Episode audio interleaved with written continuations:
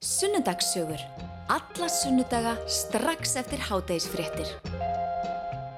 Það er 13.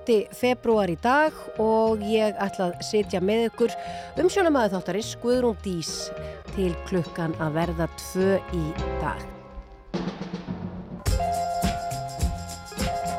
Og viðmælandi minn að þessu sinni er uh, landsmönnum að góðu kunnur. Hann uh, er skemmtikraftur, hann er, uh, hvað á ég að segja, hann er ríthöfundur og hann er bara indislega manneskja og hann heitir Solmundur Holm Solmundarsson. Við ætlum að ræða saman hér eftir augnablík. En ég ætla að byrja á lægi sem að er með Pálma Gunnissoni og heitir Vegurinn heim.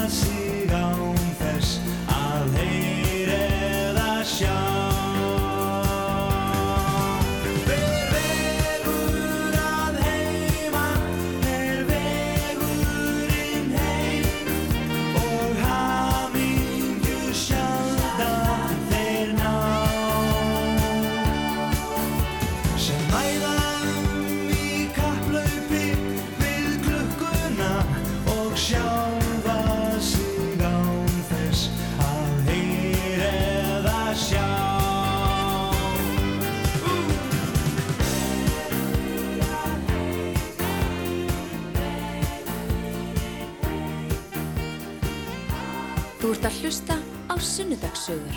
Alla sunnudaga klukkan 12.40 á Rástfö.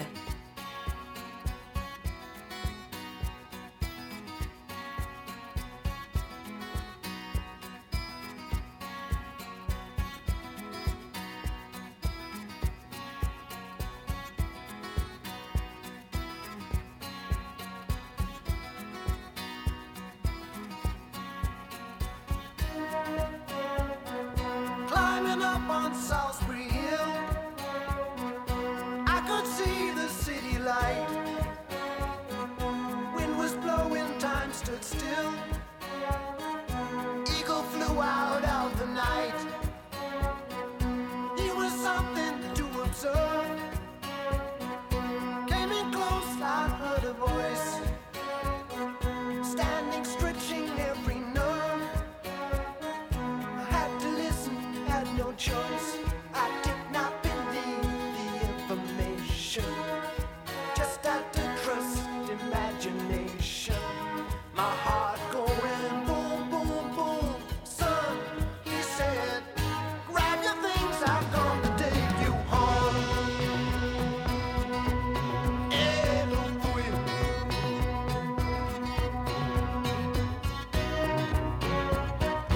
Keep in silence.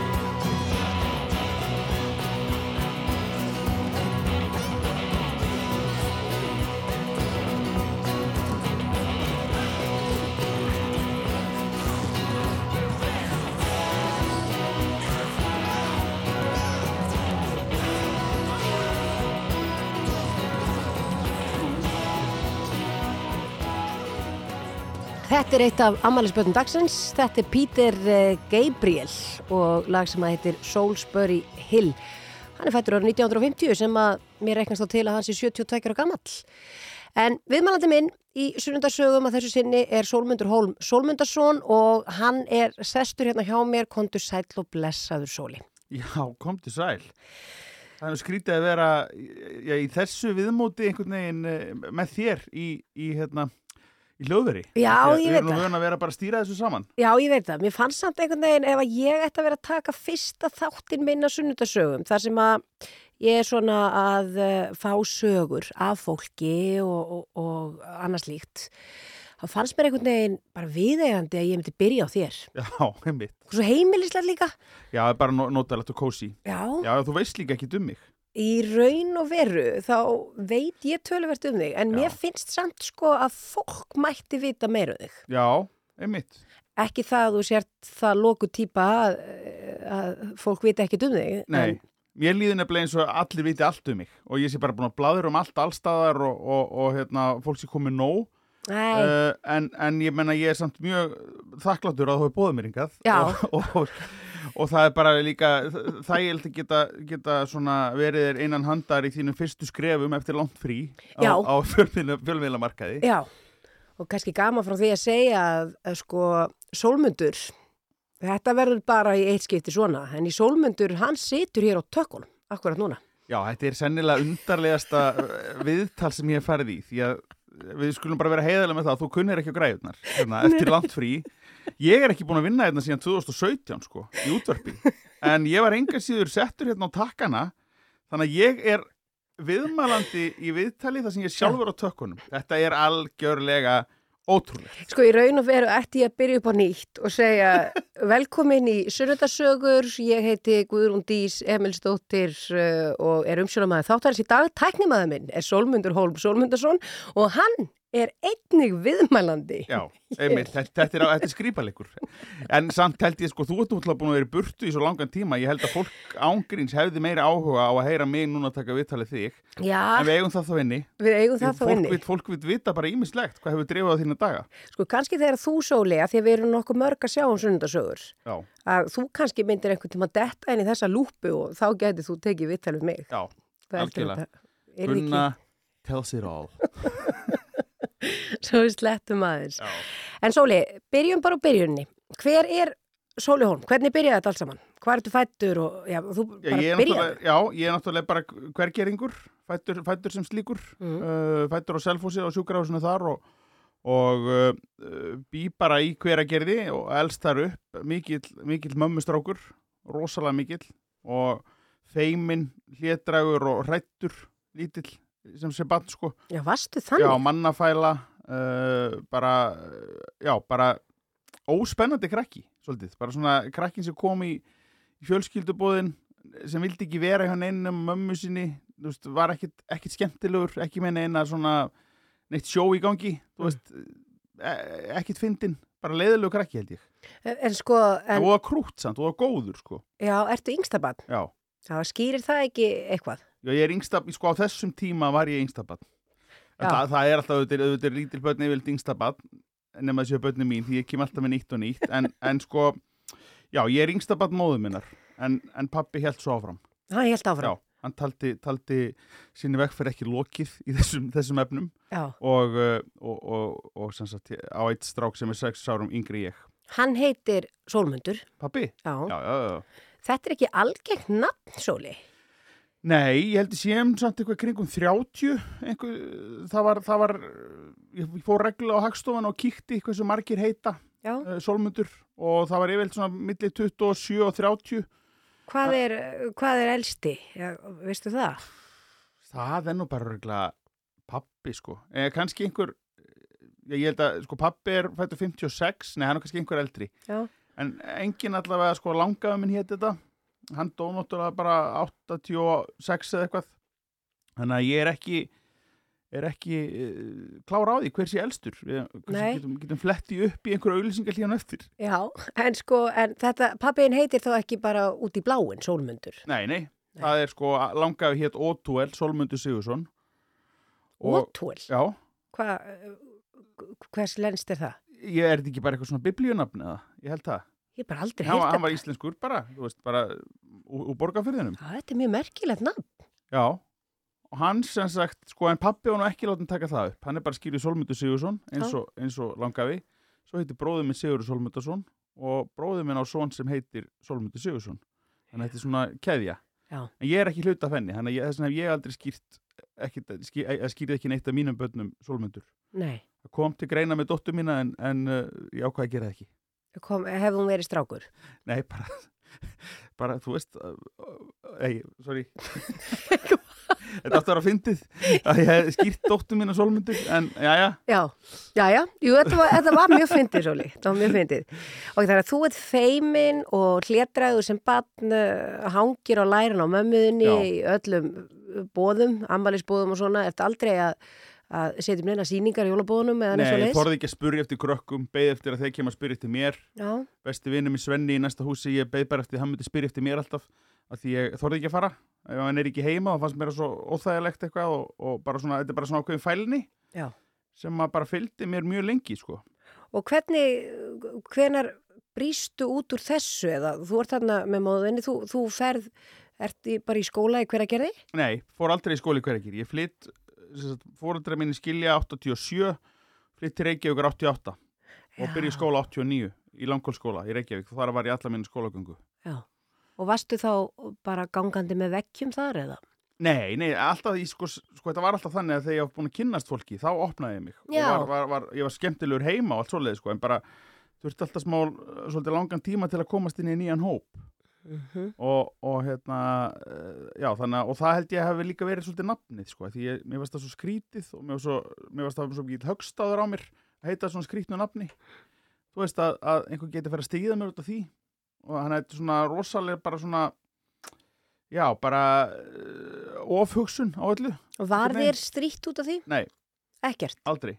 ekki, ekki allavega alvarlega, kannski einhver eitt og eitt komment en, en nei, mér var bara aldrei stríkt á neinu. Þá er átt fyrir að hafa tilefn til þá var mikið tilefn til að stríða mér á fullt af hlutum. En sko, svo, þú ert í langkválskóla og ert þar þá alla þína grunnskóla göngu? Já. Og ert þróttari? þróttari, algjörlega, af líf og sól. Reyndar geti nú ekki sagt að ég sinni þrótti mjög illa. En ég, ég æfði með þrótti og, og held með þrótti í þriðjudeld á Íslandi þannig að hérna En það veit allir af því í sóli að þú sér þróttari þannig að þú lítur að vera ágætt söylýsing fyrir þrótt. uh, ég veit það ekki. Ég, ég gass bara um þetta og, og það verður enginn þakka mig fyrir það svo sem en enginn skamma mig heldur þannig að ég veit ekki hversu góð auðlýsing það er sko. Að því ég er bara rosalega eh, bara eh, já, bara lélegur að sinna eh, þrótti. Og enda líka býi allt eru hverfi og, og, og bara þú veist, já, ég, ég er með allt og mörg börn og, og hef ekki tími í þetta Mm uh, á sumrin, hvað varst að gera á sumrin sem bann? Sko uh, ég bjó náttúrulega í Grafavogi á tímabili en var ekki skóla þar. Þá var ég nú bara svolítið einna að, að, hérna, hjóla um, um Grafavogin en svo fór ég sveit í fimm sumur. Og það var það, var það, sem, að, það sem að bergaði mér sko. Gerði það að manni? Já, ég held ég að því að ég er svo, svo mikill letingi í, í grunninn að ég held að það hefði, hefði hérna ég, ég bara gert mér að, ég, já, ég vil meina það að það hafa allavega svona séð fólk vinna í sveitinni Mm og, og svona reynd að taka þátt í því það hafi svona gefið manni smá svona spark. En hvert fer í sveit? Hraunamannarepp Þórarinstæði uh, í fjögur sumur, svo fór ég til frængu minnar, sýstur ömmu minnar uh, á Kálvalegg sem er, er bara hérna held að hann, ég veit, að hann sé í Kolbeinstæðareppi, hann er allavega á mýrunum En var þetta, Sóli, ekkit erfitt eh, að fara, já, bara... í sveit, já, langt að Nei, nei, nei, heiman nei, nei. og, og ef voru fleiri krakkar aðna eða varstu... ég fór bara því- já, það voru alltaf, alltaf tveir strákar á bænum sem voru, voru bara sendir hangað og mér finnst þetta bara svo gaman, ég bað pappum að redda með plossi, hann var hestabílstjóri og hann var meiri sér tímabili að vera búin að redda með sko plossi hjá einhverju, einhverju hérna, eldra fólki sem bjó bara í sko húsið hennar var brakki á einhverju sveitabæ og, og hérna bara svona frekar óvistlegt uh, í minningunni allavega svona ekki uh, og hann var búin að já, redda mér plássi þar og ég var alveg til í það, ég vildi bara komast í sveit. Bara, það, það var bara aðalatrið en ég var náttúrulega það vildingin vinnumann sem er átt ára sko, þannig að ég þetta býða allavega þangur til að vara að vera 11 ára. Já, þú þekkir þetta sjálfu sveitinni, að veist, það var ekki þetta að nota fólk enninu viti fyrir, en það var orðið svona 10 ára kannski jú, mig minnir að það hefði verið bara tölvið barnaþrælkur í gangi hérna heima og mér Já, sko já, að segja að maður var settur í öll verk Já, en, já. en maður fór ekkert að kera traktor og svona kannski fyrir Nei, nei. 11 ára. Það var Já, við einmitt, ég man fyrsta sumari þá, þá kannski fekk ég að keira traktor svona fimm sinnum yfir sumarið dól á honum í fyrsta gýr og, og stýr honum heim Já, sko þetta er náttúrulega ekki til fyrirmyndar í dag en þetta, þetta vorum við að gera. Já, og svo var svona Lada Station sem ég, sem ég keriði svolítið þarna. Festan í bakkir. Það var vesen sko þegar maður að ég hafði ekki sko hæðina ég er hann að bakkinni heim. Nei, og það var ekki, ekki vinsælt á, á, á, á bænum og ég var nú fór nú í straff að kera lutuna í smá tíma eftir það þegar bakkirinn festist. Já, því skal ég trúa. Já, Ég nefnilega var, þó þetta sem ekki viðtalið mig, þá var ég nú í þetta er því, mjög óskýrt. Hver, hver, hvað, hvað er í gangi hérna þá þurfti ég að taka hendur af stýri dráttavælunar til þess að skipta um gýr því ég náði ekki að kúpla nú fast niður og því ég þurfti að nota báðar hendur til að skipta um gýrin alltaf. Já, Þá stökk yngri bróður minn á stýrið á meðan. Ég var að skipta. hugsaðu þér Já. hvað þetta er, þetta er, hvað þetta er bara ógeðslega hættulegt Ja, það er margt sem, að, sem Já. að krakkar voru að gera í sveitlum En sem betur fer, þá náttúrulega hafa tímandi breyst í þessum efnum. Já, mér finnst allavega svolítið óþægild að hugsa um sko en, en þú veist, ég held að sé bara alltaf öðru sem foreldri heldur um bad, maður finnst maður geta allt þegar maður er krakki, Já, en, en já. að standa aftan á bakkavagni, þegar bakkatínan uh, reðu böggunum upp á vagnin og þú ert að raða þeim Já. og bakkarnir eru sko, eh, þú veist, hálf þín líkamsþyngd Og færði þetta í hausinn. færði þetta í hausinn og, og hérna og svona vont að fá sko þurrt grasið í andlitið einhvern veginn því að húðin á manni er viðkvæm og svona og það, veist, þetta, þetta er alveg þú veist, og svo veltum maður náttúrulega til bara, þú veist, bara eh, maður er er, Skoppar. já, skoppa til, er ekki sem maður hefur með hjálm eða eitthvað, þannig að, að þetta var bara en, þú veist, bara ég heldur samt að, að sinni mínir og, og, og, og, já, og dætur, bara allir mínir krakkar hefðu nú gott að þessu, sko, prófa þetta En Sóli, þú uh, þú myndist það áðan að pappin hefði verið hestabílstjóri. Já, Hvað fælst í því?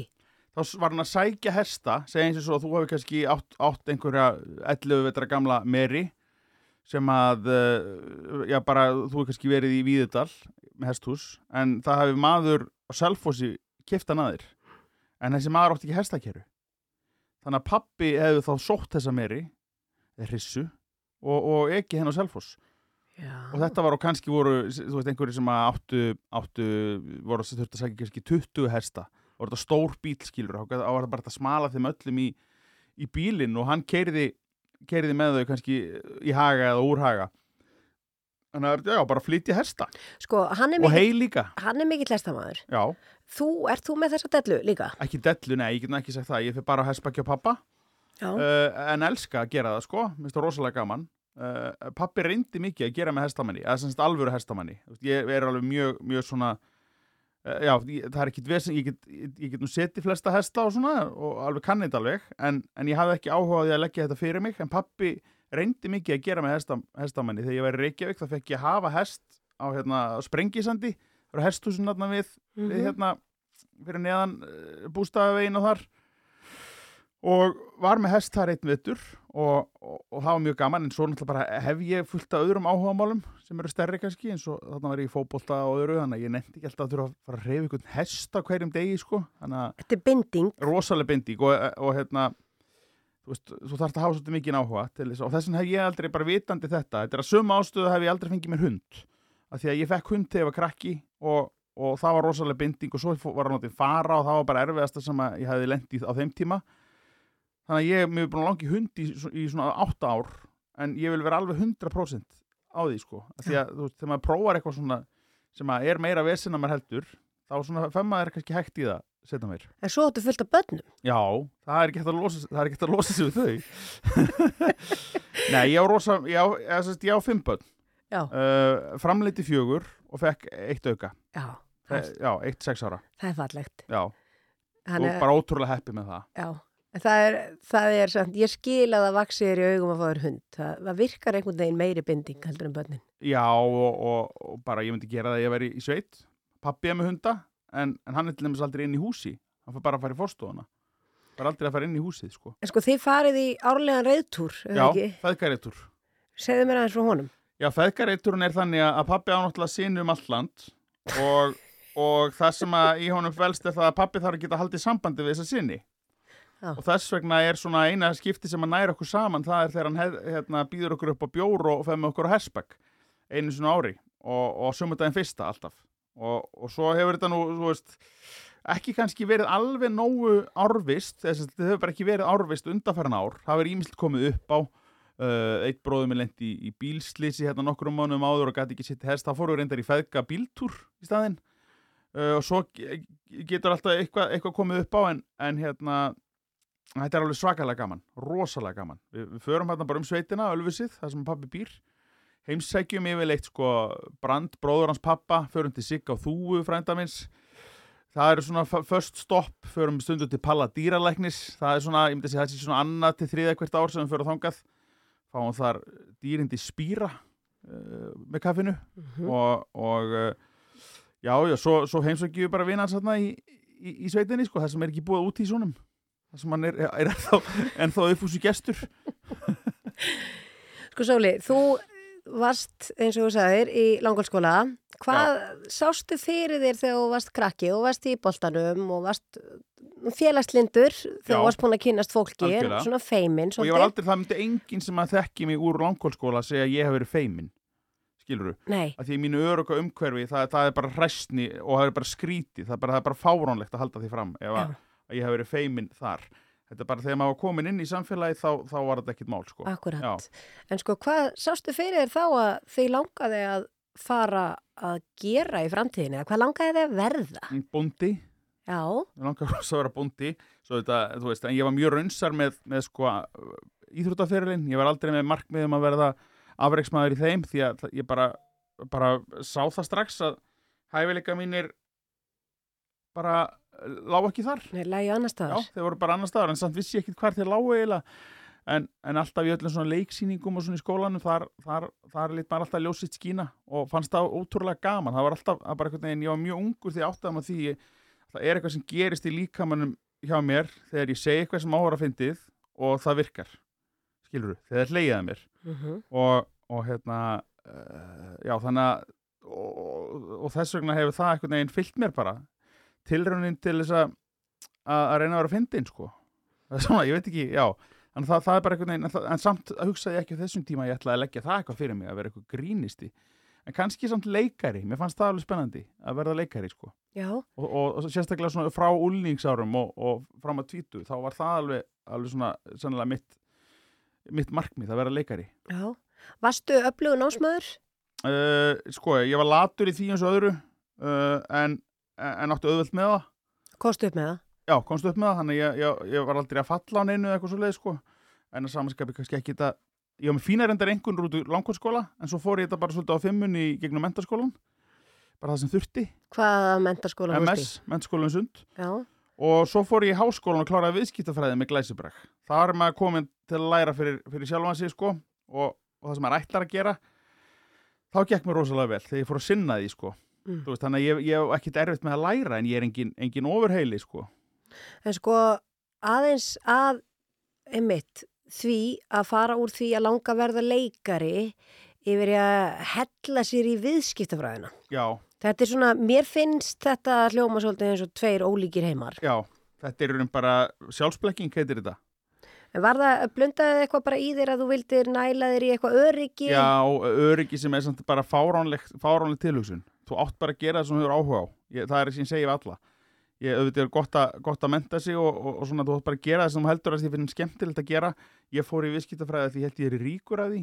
Ég hafði engan áhuga viðskiptafræði, einhverjum afleiðum eða, eða einhverjum, einhverjum, þú veist, já, bara skilur endurskoðun eða einhverju slíku eða markasfræði bara allt þetta, ég, ég hafði ekkert eitthvað sérstakann áhuga á þessu, þetta var bara, ég sá bara jafnaldra mínir sem hafði byrjað að færi beint eftir mentaskóla, voru að hafa það fínt en ég segi, þetta er ekki bara fínt að vera bara, vera ekki bara ríkur að þessu. Þetta er bara heimskulegt, og, en ég fór og gerði þetta og gerði þetta vel, en ég hef aldrei unni við þetta. Mm En heldur þetta hafi hjálpað? já, já, þetta hefur hjálpað mér í svona mínum eigin fjármála ákvörðunum þú veist, maður, maður hefur miklu meiri þekkingu heldur en fólk sem hefur ekki þessa mentun uh, en, en ég ger ekki skattaskísla minni sjálfur. Ha? Já, já, ég, ég er bara með æðislega mann á, á, á, á Akureyri, eða menn á Akureyri sem, sem að gera það. Já, en úst, ég veit ég sagði ha, en svo fer ég náttúrulega að hugsa um það að þú ert náttúrulega ákveðið fyrirtæki, sko. Já, já, já, ég er með minn eigin rekstur, Já, þannig að ég, ég er, er í raun, já, ég er náttúrulega einirki, ég er bara einirki með mitt fyrirtæki og hef verið, verið minn eigin herra síðan 2011. þá er kannski eðlilegt að fá bara fagmenn til þess að sjá um það. Það er, já, ég held að það sé svona, já, gefulegra að gera það, sko. En, en Sóli, þú segist þá tekið átt í leiksýningum og einhverju svona sem úlingur og þú Úlingur og ungmenni. úlingur og ungmenni hvenar sko að því það, það liggur greinilega vel fyrir þér að uh, túlka aðra. Þú ert eftirherma Já, og allt, allt, allt svona.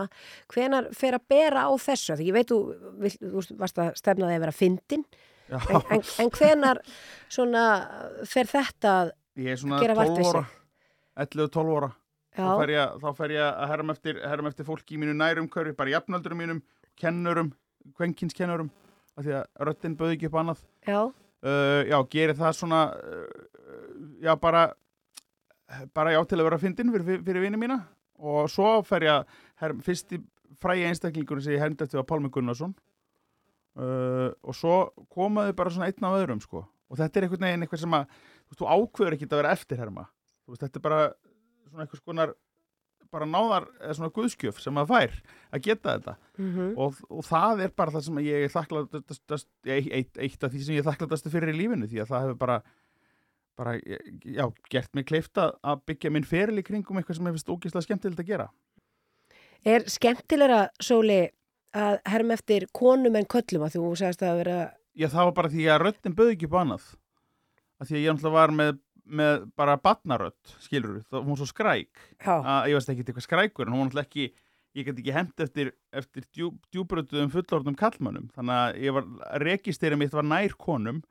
Þannig að ég einhvern veginn var að, sem var ég að herma eftir og ég segja, jafnöldurum mínum sem voru þá líka með eins rattir eða sérst með, með, hérna, með barnarattir og svo, og svo konum. Já. þannig að ja, það, var svona, yfir, það var yfirvaldið í skólanum það voru gangaverðinir og, og hérna og, og, skólastjórin sem að, sem að, sem að hérna, ég tólkaði fyrir krakkana. Og það var svolítið gaman þá fekk maður líka viðurkenningu frá eldri að það var svona, ég var að gera þetta í fríminútu fyrir eldri krakkana og, og, og það er svona já þannig að gríni hefur alltaf Alltaf alltaf verið svona, svona minn, minn hérna um, ég, ég, svona mitt kort inn í ymsa hópa þannig sko. Já, það er alltaf gott að hafa trúðin með sko. Og þannig ertu byrjaður í rauninni að koma fram strax.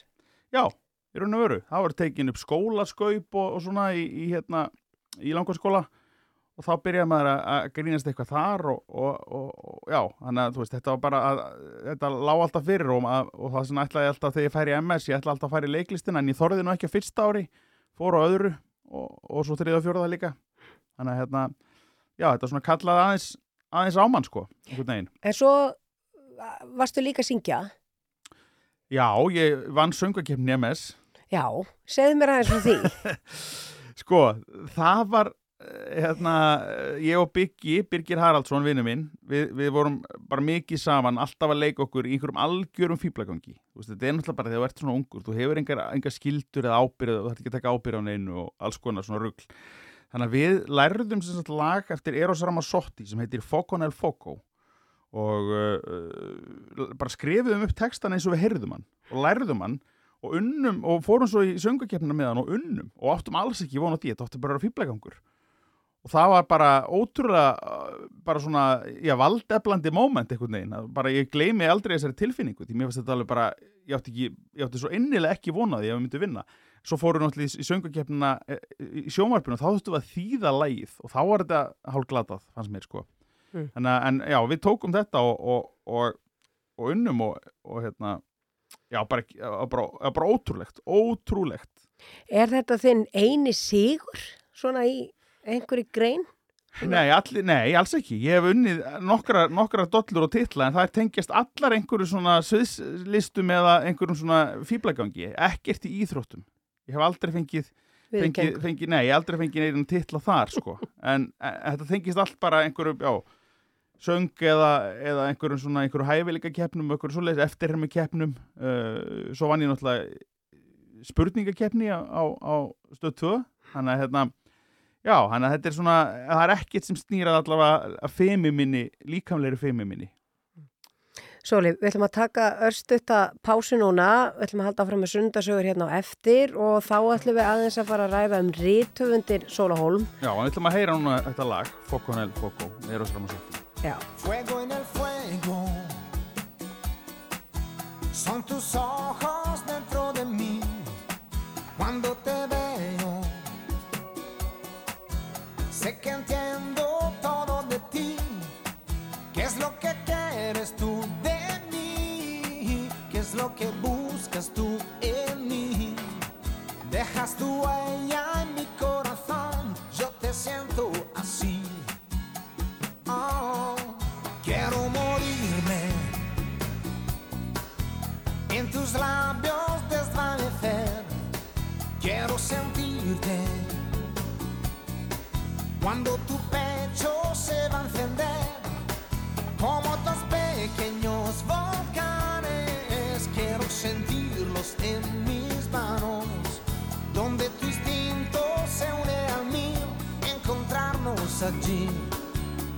Y las almas se unirán.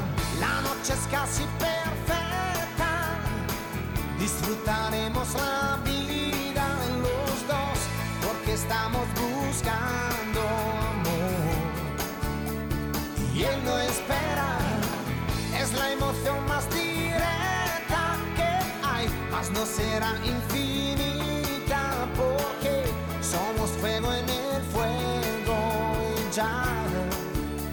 estamos quemándonos.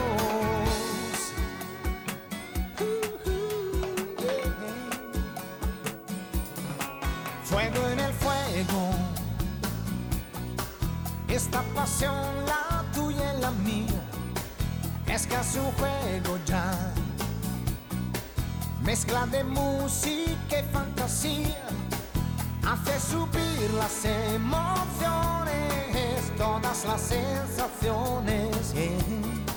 Sube hasta el sol y que por tu piel lo más dulce que hay y las almas se unirán. La noche es casi perfecta, disfrutaremos la vida los dos porque estamos buscando amor y él no espera.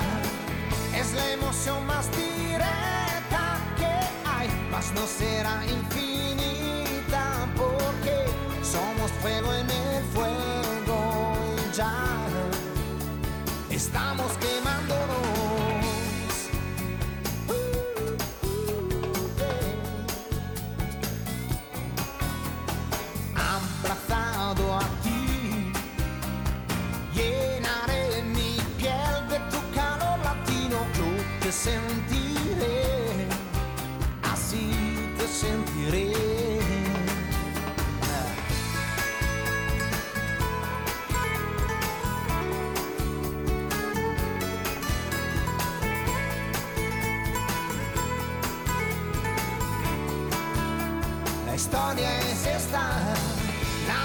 Casi perfecta, así disfrutaremos la vida los dos. Somos fuego en el fuego y ya estamos quemándonos.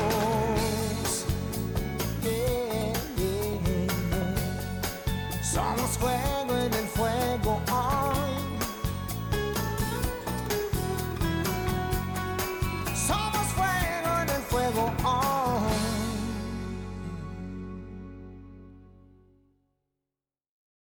Komið í sæl á ný, þá höldum við áfram hérna með sunnudagssögurnar og uh, gestur minna þessu sinni er Sólmundur Hólm Sólmundarsson og við erum svona búin að vera að ræða aðeins sóli um æskuna og hvernig, uh, já, hvernig þú geislaðir í, í æsku á úlingsárum.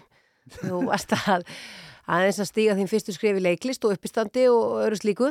Já, já, einhverjum fýblagangi. Einhverju fýblagangi vera alltaf trúður og þú kláraði viðskiptafræðina. Já, já.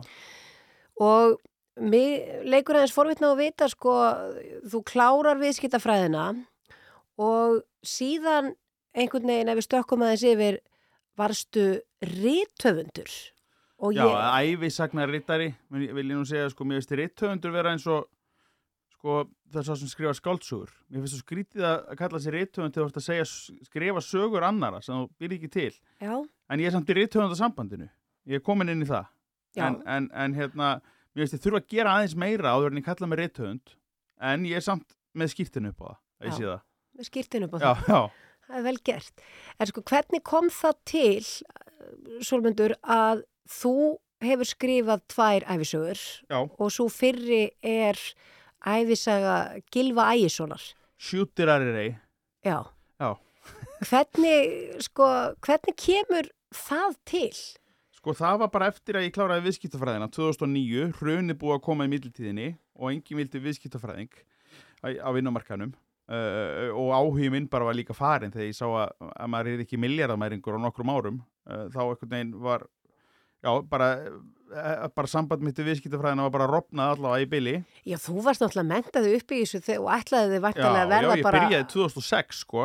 aðal bankaspaðin. Já, ég ætlaði að vera svona skemmtilegi bankagæin Svona gæin sem fýblaðist svona þegar það var að kynna eitthvað svona, hérna fjárfæstíkakostur og myndi segja eitthvað fyndið og allir og með þetta. tróðfullt veski Já, af peningum. Já, já, Þetta hefði getað að vera mjög ljúft líf. já, algjörlega, ég ætlaði svona, já, nota, nota svona uh, kýmninga á hana til að afvegalega ríkt fólk. En, þetta, en, en það, það hafðist ekki. Þannig að, já, eftir það bara þá, þá hugsaði ég, ég þarf nú kannski bara að fara að gera eitthvað sem ég kann. Og ég hef náttúrulega unnið á, á dagblaðinu áður og, og, og vísi og fréttablaðinu með ég var í viðskiptafræ- viðskiptafræðinni.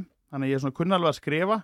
Langaði þá að gera æfissu og hafði talað við Gilva Ægisson nokkur sinnum uh, bara til að gera eitthvað viðtöluðan með að fyndin típa og, og svo heyrir hann í mér einhvern tíman að hérna, mig fá okkur barnaplötur fyrir krakkana með ævintýrun og hans. Og, og ég spurði hann hvort hann ætla nei, ég var að segja að mér langaði nú að fara að skrifa einhverja æfisug en nefndi ekki hans og ásæðan Sverri Stormskan ætlar að skrifa mína og ég, bara, já ok, ok þannig pældi ekki meiri því svo hérna er ég að er ég hérna að vinna á vísi sumari 2009 þá heyri ég ringi síminn á 17. júni og, og ég bara, já, vísi, góðan dag er allir ármannsveð og ég bara, er þetta gilfið eða og, og hann bara, já, hver er þetta? ég bara, þetta er sóli hérna já, blansaðsólmen og, og ég spurði, hvernig gengur með æfisöguna þína? Er Sverri Stónski búin að skrifa hana? nei, nei, nei, hann er bara farið til Thailands maður, ég veit ekki hvað hann er. Ég veit ekki, ég hef ekki tært í honum. Vilt þú ekki bara gera þetta? og þannig að hann baði mig í raun á undan á þannig að ég gæti ekki beða henn um þetta. Og, og svo förum við bara í þetta. Og ég gilfi bjóð þarna í Keflavík og ég keirði alltaf sögurettir og, og, og hitt hann þar. Og, það hann átti sko sjeffurhund sem var bara stór hættulegur því að það mátti enginn koma nálat honum nema, nema gilfi og sko ég er ekki trættu við hunda en ég er hrættu við sjeffurhunda þú veist, ef þeir eru, þú veist, mér- finnst þið bara okkveikjandi uh, og hvað þá þeir einu svo hann sem bara urrar á mann og hann var eitthvað svona drilla menn, farin í herbergi, drilla drilla. Og, og hann var svona urrand og geltand á mig einhvern veginn og, og, og þetta var bara ótrúlega skrítið. Og hann var eitthvað svona að reyna að segja hann um að fara að sofa. Nótten, nótten að þetta bara, já, var, var komið nótt og og þetta var, já, þetta, og ég var hérna bara með diktafóninn að að láta hann segja mér æfisögu sína, en ég man bara alltaf eftir, í fyrsta kvöldi sem ég fór að hitta í Gilva, þá kom ég til hans kannski svona um áttum kvöld og ég sátum til þrjú um nóttina, hann var að segja mér sögu bara, og ég var svo víraður þegar ég kerði heim, að því að ég bara ringdi í, í Baldur, vinn minn, ég held ég meira sér gert það bara um nóttina, og bara sagði því þetta er eitthvað geggjaðasta stöf sem ég hef nokkuð tíman vitað, að því að hann er að segja frá heimi sem er bara horfin allavega minni kynnslóð, bara eins og eh, þetta, eins og við sjáum kannski bara í verbúðinni allt þetta, allt þetta líf sem að sem að sko eh, já, bara að mín kynnslóð þekkir ekkit bara, þetta er bara, já, þetta er bara horfin heimur. Og og bara síldarhorn og siglu fyrir því og allt þetta og svo bara var hann alveg ógeðslega uppátækja samur og, og bara rugglaður sko og, og einhvern veginn þetta var bara svona, mér fannst bara eins og ég væri að, hlusta bara Forrest Gump eða eitthvað, hann var bara einhvern veginn búin að vera allstaðar og vantaði pening og hitti þá Kristján Eldjátt Fosseta sem leta hann fá pening þetta er svona, og, og þú veist og hann hérna, endur, nær svo að, borga hann það tilbaka með því að gefa hann um málverk, þú veist, tíu árum setna og eitthvað svona, þetta svona þú veist, hann einhvern veginn var á, á, á ótrúlustu stöðum, einhvern veginn það sem að, þú veist, var að, með, með hérna, minnir að einhver, einhverjur úr gerfinsmálinu hafa verið að djamma með honum og eitthvað svona um það svipa leiti og eitthvað svona, þetta er svona alls konar bara svona karakterar úr, úr sögunni bara, Íslands sögunni, já, sem bara komið einhvern veginn við sögu hjá honum. Og, og hérna og hann, hann sko myndi tíma tímaskynið hans var bara ónýtt. Hann vissi aldrei hvenar hlutinni gerðust. Þú veist bara veist, hvað gerist þarna, hann myndi samt kannski hvað hann átti mörg börn á þessum tíma. Hann myndi að þetta væri kringum einhvern skipskaða sem var þarna. Þannig ég var bara í þessu, bara að fletta upp bara skips, bara hvenar þetta skip hérna, strandaði eða sökk eða hvað gerðist. Og þá vissi ég bara, ok, Gilvi var þarna á þessum tíma, en svo gerist þetta og það er í kringu þetta, þannig hann hlýtur að verið þarna undan þessu, þannig ég var bara í bara svona spæjaravinnu, sem var ógeðslega gaman að raða hans lífi í tímaröð þannig að ég er hann stundu sagt að ég þekki Gilva Ægisson betur en hann sjálfur af því ég þekki hans æfisögu betur en hann sjálfur því að hann mann bara góða sögur. Hann veit ekkert hvenær það gerðist sko. Ekki neitt, En þú bara áttið á því strax á leiðinni heim og þú væri með gull í höndunum. algjört gull og, og hérna En var eitthvað, var eitthvað flókið að ná þessu upp úr honum eða var þetta svolítið þannig að, að þú settir bara á ég bara ítt á rekk og svo bara hlustaði ég. Og, og hérna og bara ekki, þú veist eh, hann satt hérna með, með hérna skeggi sitt hérna og svo, svo náttúrulega sagði hann mig gamansögur sprellisögur og, og, og það er náttúrulega endur alltaf með með góðum hlátri sko. Og ég hef ánu þessar upptökur eitthvað staðir, ég þannig að, að hlusta á þær sko, þetta er, þetta er alveg æðislegt efni. Hérna, þeir eru veist, þegar, þegar hérna rókurna koma sko. Og Og, og, þú veist, þetta var bara, já, bara ótrú og Gilvi líka á þessum tíma er einhvern veginn búin að vera svolítið, svolítið lítið að sjá stafunum í mörg ára en er svona að koma, koma einhvern veginn upp á yfirborðið aftur.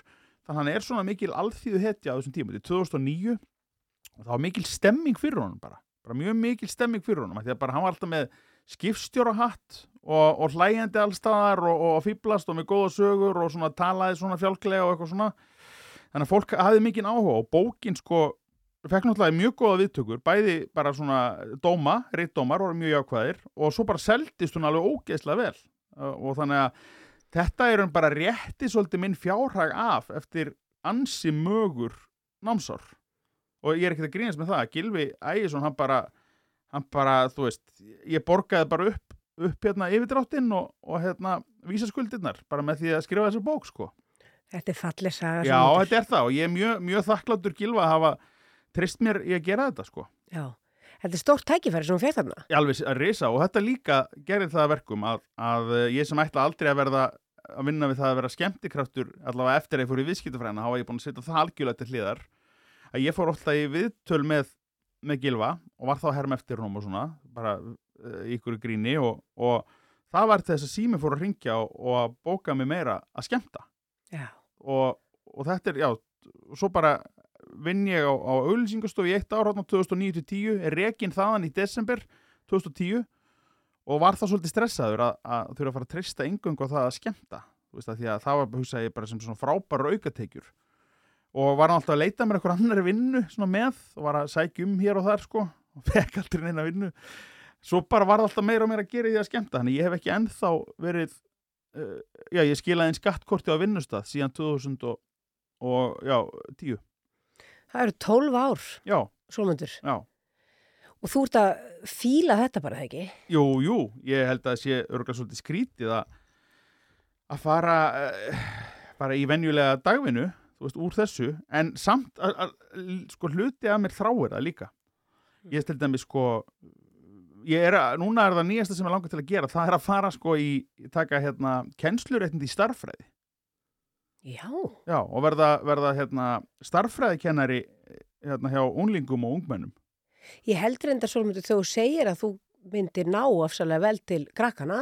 Já, sko, ég- já, öruglega, en, en það sem að ég hef unnið þessi forfallakenslu hérna með, með á námsórunum og vann ég sem forfallakennar í Kópúi og hef heyrta, sko, ég held nú reynda bara frá einum stað, frá einu foreldri sem sagði að, að, hefði, þá var ég ekki orðin eitthvað þekktur í samfélaginu, en hún bara myndi eftir mér að, að hérna, að ég væri mjög góðu starfækennari og hún hefur loksins skilið hvað ég var að tala um. Og það var sannlega því ég var líka sjálfur búin að rifja þetta upp fyrir tíman skilur þú hvað ég var að fara að kenna? Þá þurfti ég að læra það sjálfur. Þannig ég tók alltaf skref fyrir skref bara. Og, og, og ég held að það sé oft, oft bestu kennarandi sem að kunnið ekki alltaf vel. Eða sérst, jú, kunnið það sjálfsögðu en þurfa að hafa fyrir að, að, að svona rifja þessu upp þannig að núna eh, blundar það í mér og kannski ger ég það í haust bara svona með skemmti programmi að fara í, í að að læra að vera stærfræðikennari Já. að því ég hef engan áhuga að kenna litlum krökkum en, en hérna úlingar og, og hérna ungmenni það er, það er eitthvað sem að væri, mér fannst alltaf skemmtilega þegar ég væri forfallakenslu Mm. þá er þetta svona orðin að, svona aðeins meira krefjandi sko. Ég veit ekki gaman að láta eitthvað að krakka lita og eitthvað svo leiðis, það finnst mér ekki spennandi Uh, kveikir ekki þér. nei, það gera það ekki sko Nei. En sko aðeins, hoppum aðeins uh, að þú ert að tala um þetta, að því Mhm. langi mögulega að vera starfræðikennari. Hoppum aðeins, ég, ég, ég sá nú bara Sverri Bergman er hún starfræðkennir og ég hef segið, vá, ég hef öfundan pínu já, hann er það já. Og ég hef heyrt sögur að því að hann sé frábær ég starfræðikennari. Þannig að þetta er,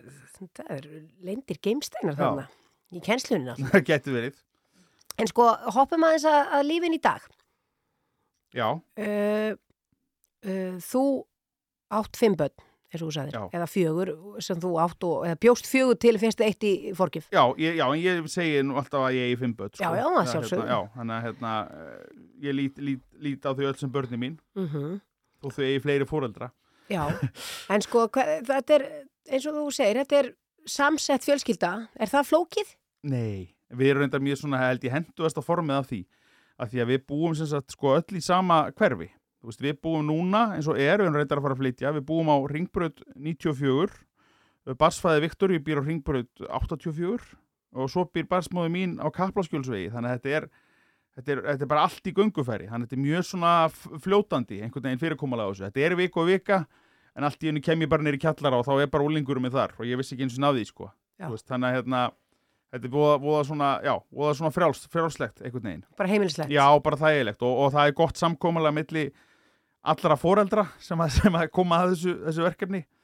Þannig að þetta er bara mjög átaka laust og, og bara bara, já, þetta er ekkit vesen. En ég held að væri kannski meira ef að við byggjum kannski Hafnafyrði og, og eitt foreldri byndi búa í, í hérna, Mosfellsbæ og annað í, í hérna, Vesturbænum. já, eða vegna. verða út á landi. Þannig að þú veist, þá er þetta örgulega meira vesen sko, en, en eins og sé, fyrirkomulagi hjá okkur er alveg rosalega þægilegt og, og bara, þú veist ég eh, myndi allavega fólk á ekki að vera hrætt við þetta allavega, þú veist, að, að vera í samsættir fjölskyldu það er bara Nei. alls ekki bara, Hvernig papp ertu?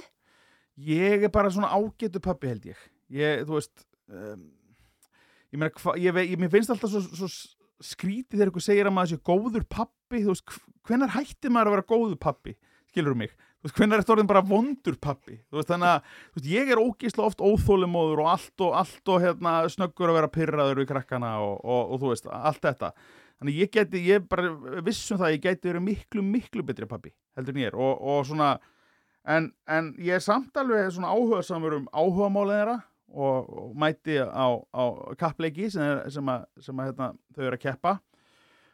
Uh, og, og þú veist ég er ekki, ekki dvola sko ég er, er ekki, ég er, ekki mikill rútinumæður sjálfur þannig að ég er ekki með mjög fasta skorður á hlutunum en ég er samt ekkit en ég vil samt að ef ég byð krakkan um að gera eitthvað þá að ég gera það fljótt og, og ég er á auðvelt með að pyrrast eða það gerist ekki en það er svona eitthvað sem ég er meðvitað að reyna að laga uh, er bara, þú veist, erum við ekki alltaf að vera betri fóreldrar ég held Jú, ég held það. ég, ég held það en ég, en ég Ég meina hef ekki enn hitt neitt sem hefur sagt já, nei, Ég er ætla, frábær, nei. ég ætla að verða verri. Nei, nei, nei, nei, nákvæmlega Ég ætla að, sko, já og ég hef í mjög góðu sambandi við, við börnin mín og ég er svona eh, mér finnst svona, ver, þau vera skemmtiðri með aldrinum það er nefnilega sömur sem finnst úlingar leiðilegir mér finnst sko úlingar frábærir ég, ég veit ekki hvort svona að það sé svona mitt þroskastig að vera úlingur þannig að ég, ég er hérna ef allavega ekki ég, ég er með einn úling núna og mér finnst hann alveg gjörlega frábær.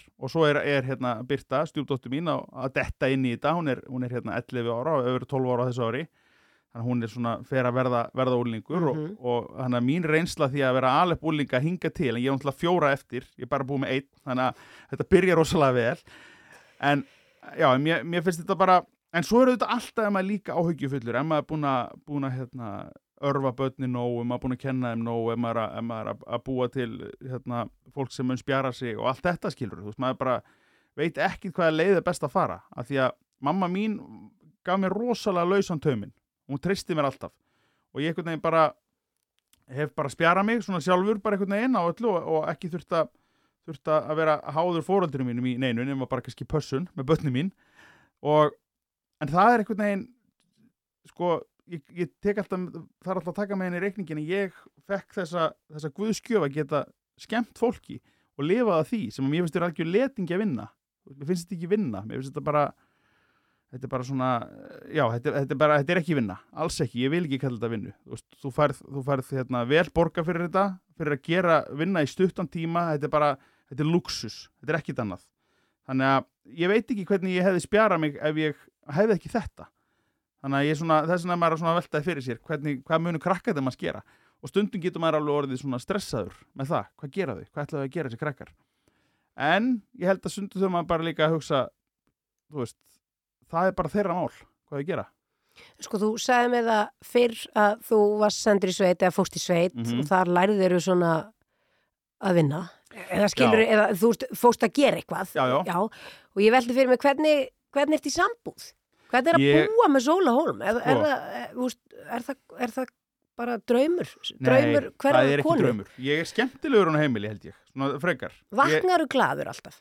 ég er eiginlega alltaf frekar gladur veist, það, það er bara mitt, mitt DNA einhvern veginn, ég er oftar gladur heldur en ekki, ef, mér, ef ég er ekki gladur þá líður mér illa, þá er ég kvíðinn út af einhverju uh, en ef ég er ekki kvíðinn þá er ég gladur og hérna og, ég, en ég latur ég, ég, ég, sko ég bara verð bara viðkjanna það, ég gæti verið miklu dugleri inn á heimilinu að svona að gera hluti.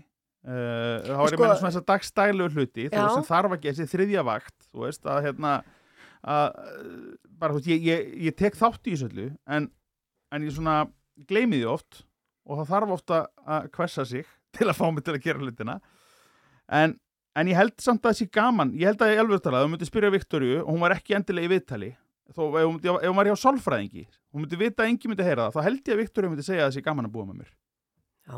ég held það Það eru góð meðmæli. Já, en við líka eigum rosalega uh, bara gott samband upp á það að gera að við getum verið saman allan daginn, alla daga og höfum bara, því við erum bæðið þannig vinnum og hvað þá síðustu 2-3 ár eða 2 ár og í þessu á- COVID-ástandi að við erum ég hef aldrei þurft svona, æ, nú þegar ég fá breyk frá Viktoríu, ég hef aldrei á okkar 5 ára sambandi upplifað það.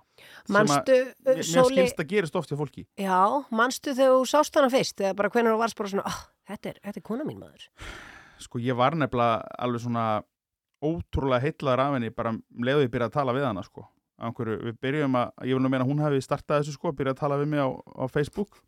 Þú veist, á Messenger ég, ég vil ekki meina að hún bara, bara var þannig en enga síður var það samt ég sem að, sem að þurfti að sem að gekk á eftir henni, það er bara þannig. Og ég var bara þólimóður og spenntur og til í þetta og, og, og bara eh, bara svona svolítið eins og maður væri bara upplifa ástina í fyrsta sinn sko, aftur, mér finnst það svolítið, svolítið gaman, það var svo, einhvern veginn svona svo hráar og sterkar tilfinningar einhvern veginn sem að ég bara uppliði þegar ég var að, að kynnast henni og, og við erum bara algjörlega frábært mat sko, veist að það er bara veist, já, ég, ég bara er alveg sko, ég veit ekki, nú er hún alltaf væminn sko, en ég, ég, ég bara alveg já, bara já, ég bara er stundum orlus yfir því sko, en auðvitað erum við líka þetta er ekki alltaf, þú veist hún getur verið hundleiðileg sko.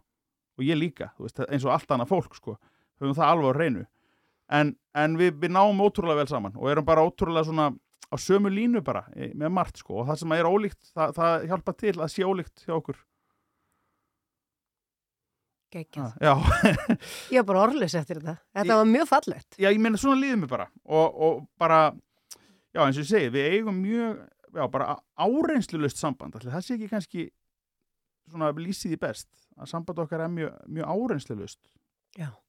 Það er öruglega draumur allra. Já, líka nöðsilegt þegar þú ert með fimm krakka, miskrefendi og náttúrulega við erum með tvö börn sko tveggja og ef hún er að vera þryggja stelpan og strákurinn er átta mánuða þannig að það tekur alveg á og, og hérna uh, drengurinn sefur ekki vel. Það er, hann er að vakna oft þannig að þetta er allt, þetta er allt álag. Já. en þetta er bara sem fólk díla við og við erum bara lánsum að eiga þessi börn. Sóli, þú skrifaðir fyrir þar síðustu jól, er það ekki aðra æfisuðu? Já, Og þá varstu heldur ekki að ráðast að garðin þar sem hann er legstur. Þú skrifaðir æfisuðu um herra netusmjör sem að, já, er ekki, maður getur ekki sagt var, heit, the hardest thing, en jú, hann var það samt þá og hann er það já, náttúrulega já, hann ennþá, er, já, já, sko. hann er ennþá, ennþá bara Hann er alveg fullu já, bara allt á fullu. algjörlega Hvernig var það verkefni? Var það, það var náttúrulega mjög margt líkt með Gilva og herran Heitusmjör því að þeir eru báðir hérna, fíklar sem voru hættir Gilvi var náttúrulega búin að retru í, í 30 ár þegar ég byrja að skrifa en, en herran Heitusmjör í fjögur ár held ég. Uh, og þeir eru ótrúlega já þeir eru svona alþýðu menn sko, báðir. Og, og herran Heitusmjör náttúrulega sem er, var ekkit í bókin hjá Gilva það er náttúrulega bara, það er alltaf önnur efni komin. Þú veist, Gilvi var bara fyllibitta bara alvöru fyllibitta. Uh, á meðan herra hnetusmjör var náttúrulega bara eitulega neytandi og, og hérna og bara, já, bara í, ótrúlega hörðum efnum sko. Og, og það er náttúrulega var bara svolítið, ég upplifði mig svolítið gamlan þegar hann var að, að segja mér á meðan að ég var svona, þegar, Gilvi var að segja mér sögur frá hortnum heimi í gamla daga þá var maður svona, vá, hvað þetta hefur verið magnað. Og með, svo, þegar herra hnetusmjör var að segja, þá var maður bara svona, Jesus, eru krakkar bara að gera þetta? Já, var, var ekki einmitt aldrei kannski erfitt að fyrir þig fjölskyldu föðurinn nálgast meðan aldur að tengja eitthvað við þetta? Jú, ég ætla að sko, eh, jú, er alveg að hluta til, þú veist, ég ætla að svona, eh, ég kannast ekki við þetta, af því að, hérna, ég hef aldrei verið þarna, sko, og, og hérna, en hann líka bara sem var svo gott bæ, með þá báða, þeir, þeir, þeir voru báði búinir að klára að gera upp sín, sko, ekkert að klára þetta, endalus vinna, að gera upp svona neslár, en, þannig, en þeir gátu allavega að trist sér í það að vera einlægir með þetta og, og ekkert að draga neitt undan með neitt sem snýra þeim sjálfum og ekkert að reyna að taka eitthvað annað niður í leiðinni eða að kenna öðrum um og, og það svona eitthvað aðurleysi og, og það var mjög gott að vinna með þeim báðum. Átni Páll er bara ótrúlega eh, vandaður og, og góðu drengur og það er svolítið fyndið að það var mest, mest selda æfisaga ásins 2020 þegar hún kom út.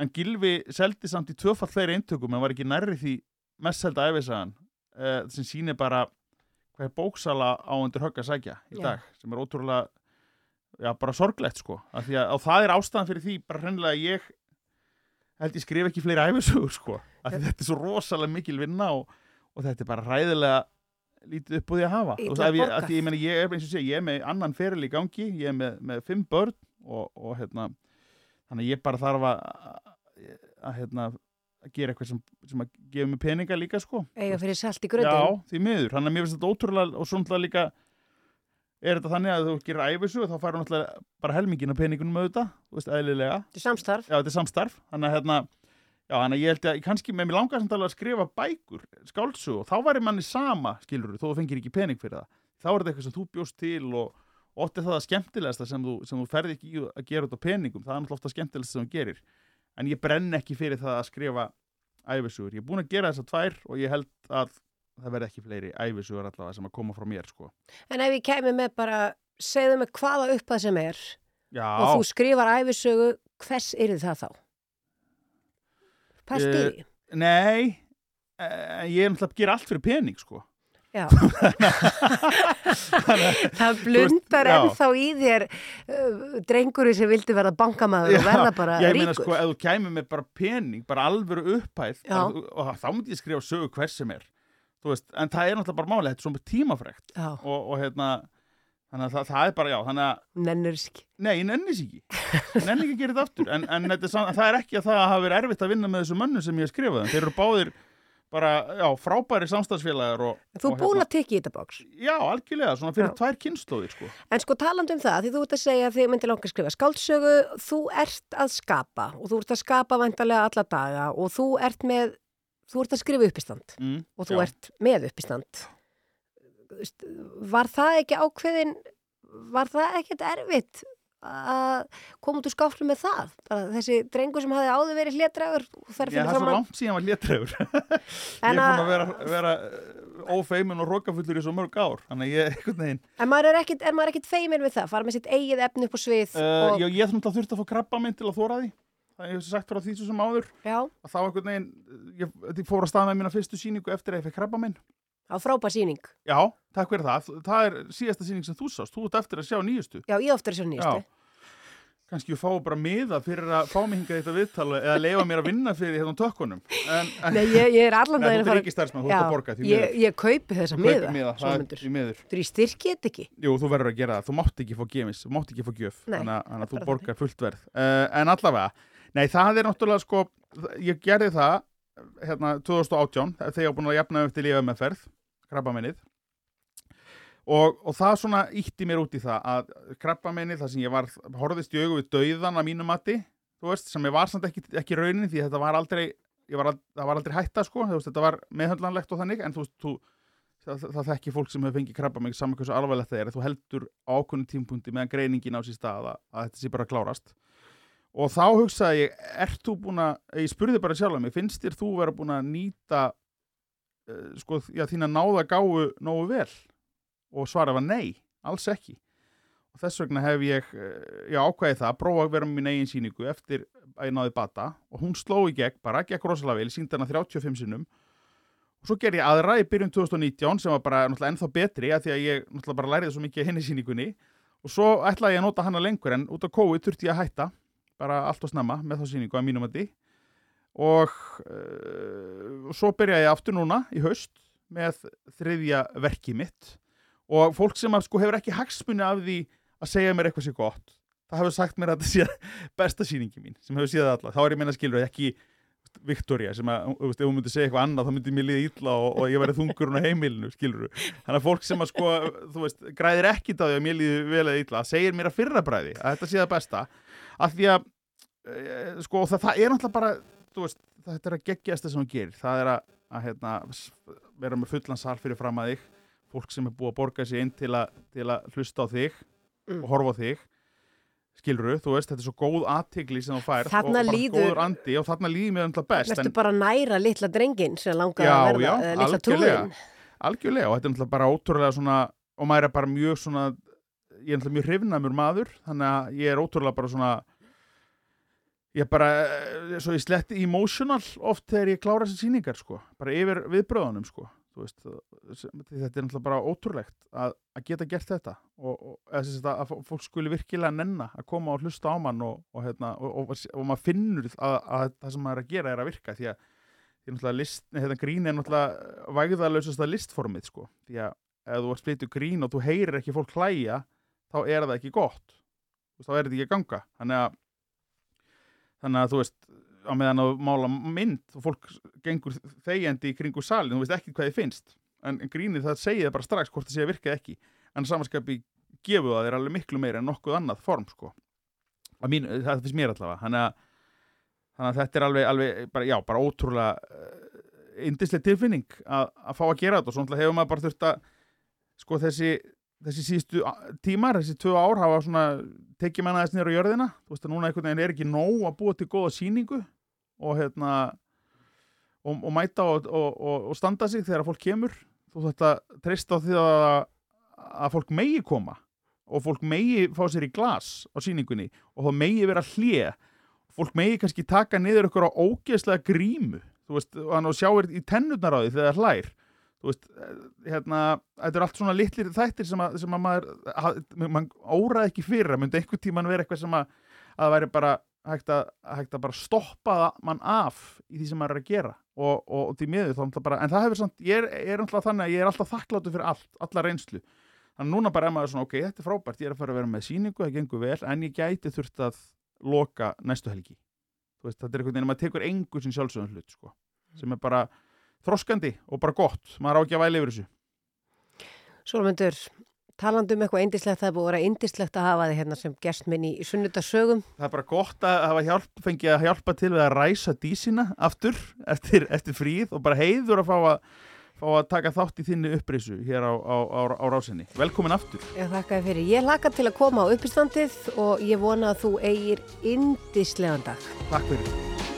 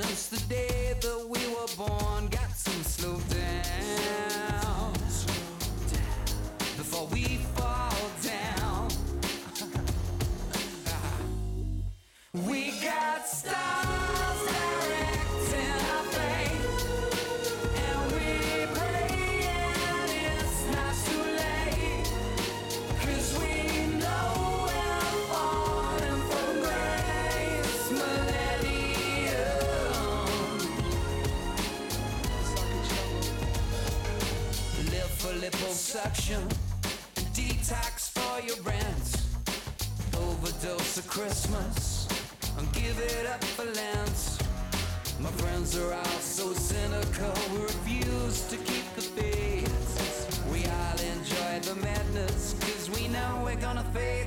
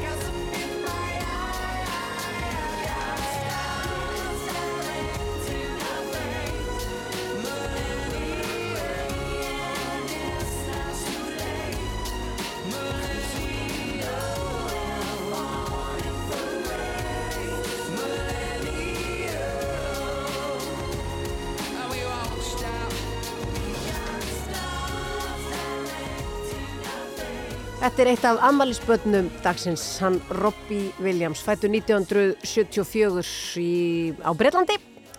Hann er ammæli, þessi elska. En það er komið að lokum sunnudagssagna í dag. Ég heiti Guðrún Dís Emilsdóttir, gestuminn þessu sinni var Solmundur Hólm Solmundarsson og það er hægt að nálgast þetta vantarlega allt saman á vefnum bara hérna strax að það er til oknum. Ég þakka kærlega fyrir samfylgdina, verið sæl.